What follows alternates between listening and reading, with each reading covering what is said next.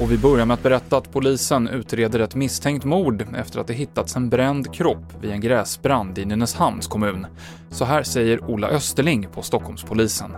Vi har eh, spärrat av platsen och eh, har inlett en förundersökning om eh, mord.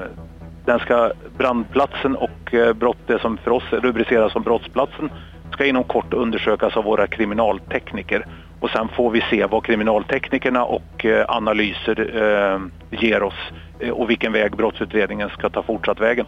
Mer om det här på TV4 Play. Ytterligare 37 personer med bekräftad covid-19 har nu rapporterats döda i Sverige enligt den senaste statistiken från Folkhälsomyndigheten. Och den totala svenska dödssiffran är därmed 5 370. Och Sveriges krisberedskap har stora brister, det skriver Totalförsvarets forskningsinstitut i en ny rapport om coronapandemin.